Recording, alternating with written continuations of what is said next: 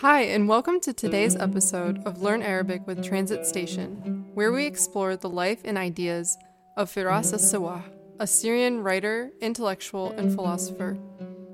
Al Siwah's passion lies in understanding the history of religions and mythology as a way to gain insights into human nature.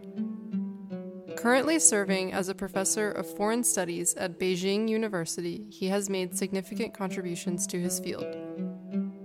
In this episode, Samar will take us on a journey through El Siwah's viewpoints, life, life, and achievements, shedding light on the impact of his work. So get ready to dive into the fascinating world of this remarkable thinker and gain a deeper understanding of his perspectives. Yalla, let's start. ولد فراس السواح عام 1941 وهو مفكر سوري بيبحث بالميثولوجيا وتاريخ الأديان. كمدخل لفهم البعد الروحي عن الإنسان أو عند الإنسان وهو ابن عائلة حموية استقرت بمحافظة حمص مطلع العشرين. عاش بفضاء تنويري. أتاح له يختار طريقه بنفسه درس الاقتصاد بجامعة دمشق وانتسب لقسم الفلسفي بعدين بس ما كمل دراسته بهذا القسم لأنه ما لاقى شي جديد بهالمنهاج. كان قريب من الإخوان المسلمين بمطلع شبابه بعدين صار عنده ولع بالماركسية وحس بعدين بقربه من القوميين السوريين. بس قال بعدين أنا ما انتسبت لأي حزب من هالأحزاب أبدا. أنا بقترب من الأفكار وببتعد عن الإيديولوجيات.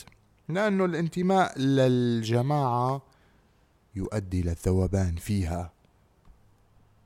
تعليمه وعلمه. تخرج من كلية الاقتصاد بجامعة دمشق عام 1965 وتوظف بعد تخرجه بمركز تطوير الإدارة التابع لمنظمة العمل الدولية بين ال 1969 وال 1978 بعدها اشتغل بشركة نفط أبو ظبي بين ال 79 و 86 نشر أول أبحاثه بكلية الآداب اللبنانية عام 1960 وشغل كمان عضوية اتحاد الكتاب العرب بدمشق وعمل أستاذي لمادة التاريخ الحضارة العربية وتاريخ الأديان بالشرق الأوسط بجامعة الدراسات الأجنبية بالصين بال 2012 وال 2013 آراؤه كان اهتمام فراس السواح بالتراث الإنساني القديم ما بيعني تقديسه له وإنما كان بقصد فهمه والاستفادة منه وتطويره. كان هدفه من دراسة التراث هو العبور للضفة الثاني بعد جني الشيء المفيد من شأن المستقبل. وصرح بذلك من خلال كتاباته عندما قال ينبغي ألا نكون أسر الماضي وهيك بيكون خالف أفعال الآخرين اللي بقيت متخنطقة بالتراث وما عملت شي لجهة الابتكار أو الخروج من عباءة التراث. نظرته وموقفه من الربيع العربي دعا المفكر فراس السواح للعقلانية وعدم الانجرار لحمل السلاح والاقتتال اللي راح يؤدي حتما لانقسام المجتمع السوري وتفتيته. ونبه للابتعاد عن التسميات اللي كانت تطلق على المظاهرات أيام الجمعة بس تفاجأ بحجم الهجوم المضاد والتخوين اللي ناله جراء هالطرح.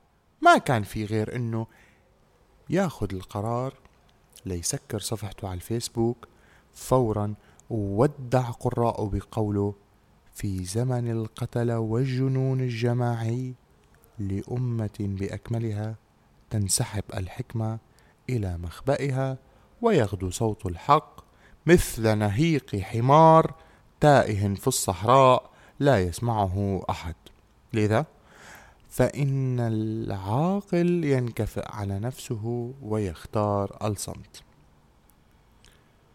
وبتعليقاته على الفيسبوك قبل إغلاق صفحته تحدث عن الثورة المخترقة من عدة جهات. أبرز الأصوليات الإسلامية وثقافة السأر المتأصلة في السيكولوجيا العربية والجهات الشبحية اللي تطلق التسميات على أيام الجمعة. بالإضافة لحديثه عن المعارضة الخارجية صاحبة المقاعد الوثيرة. وفنادق خمس نجوم اللي كانت تؤجج الصراع. وضح فراس السواح رؤيته للثورات العربية وقال الانتقال إلى الديمقراطية. يحتاج إلى تمرينات صعبة ولا بد من التطور التدريجي وإلا ما رح نلاقي ثورة ناجحة. وهيك بيكون المفكر فراس السواح رجع لمواقفه القديمة ليكمل مشروعه بخصوص حفريات النصوص المقدسة. فكان يقول يجب أن نسعى إلى هدم سلطة النص وتحريره من قدسيته التاريخية من خلال تفكيكها وإعادة تركيبها ووضعها في مقام آخر. صحيح. أعماله؟ أعماله كتيره وصعب نذكرهم كلهم. مشان هيك رح نذكر بعضها. في الميثولوجيا وتاريخ الأديان نذكر مغامرة العقل الأولى لغز عشتار جلجامش الرحمن والشيطان الله والكون والإنسان. موسوعة تاريخ الأديان في خمسة أجزاء. في تاريخ إسرائيل والدراسات التوراتية الحدث التوراتي والشرق الأدنى القديم آرام دمشق وإسرائيل تاريخ أورشليم والبحث عن مملكة اليهود في علم الأديان المقارن الإنجيل برواية القرآن القصص القرآني ومتوازياته التوراتية وهناك كتابين باللغة الإنجليزية مع عدد من المؤرخين وعلماء الآثار في أوروبا والولايات المتحدة الأمريكية. وكتاب باللغة الصينية بعنوان لاوتشي. عضويته بالنوادي والاتحادات هو عضو باتحاد كتاب سوريا وهو كمان عضو بالاتحاد العام للكتاب العرب.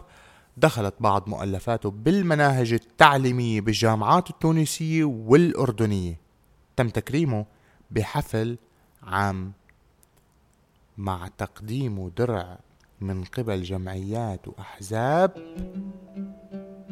عدة بالعاصمة الأردنية عمان وبيشتغل حاليا كأستاذ بجامعة بكين للدراسات الأجنبية.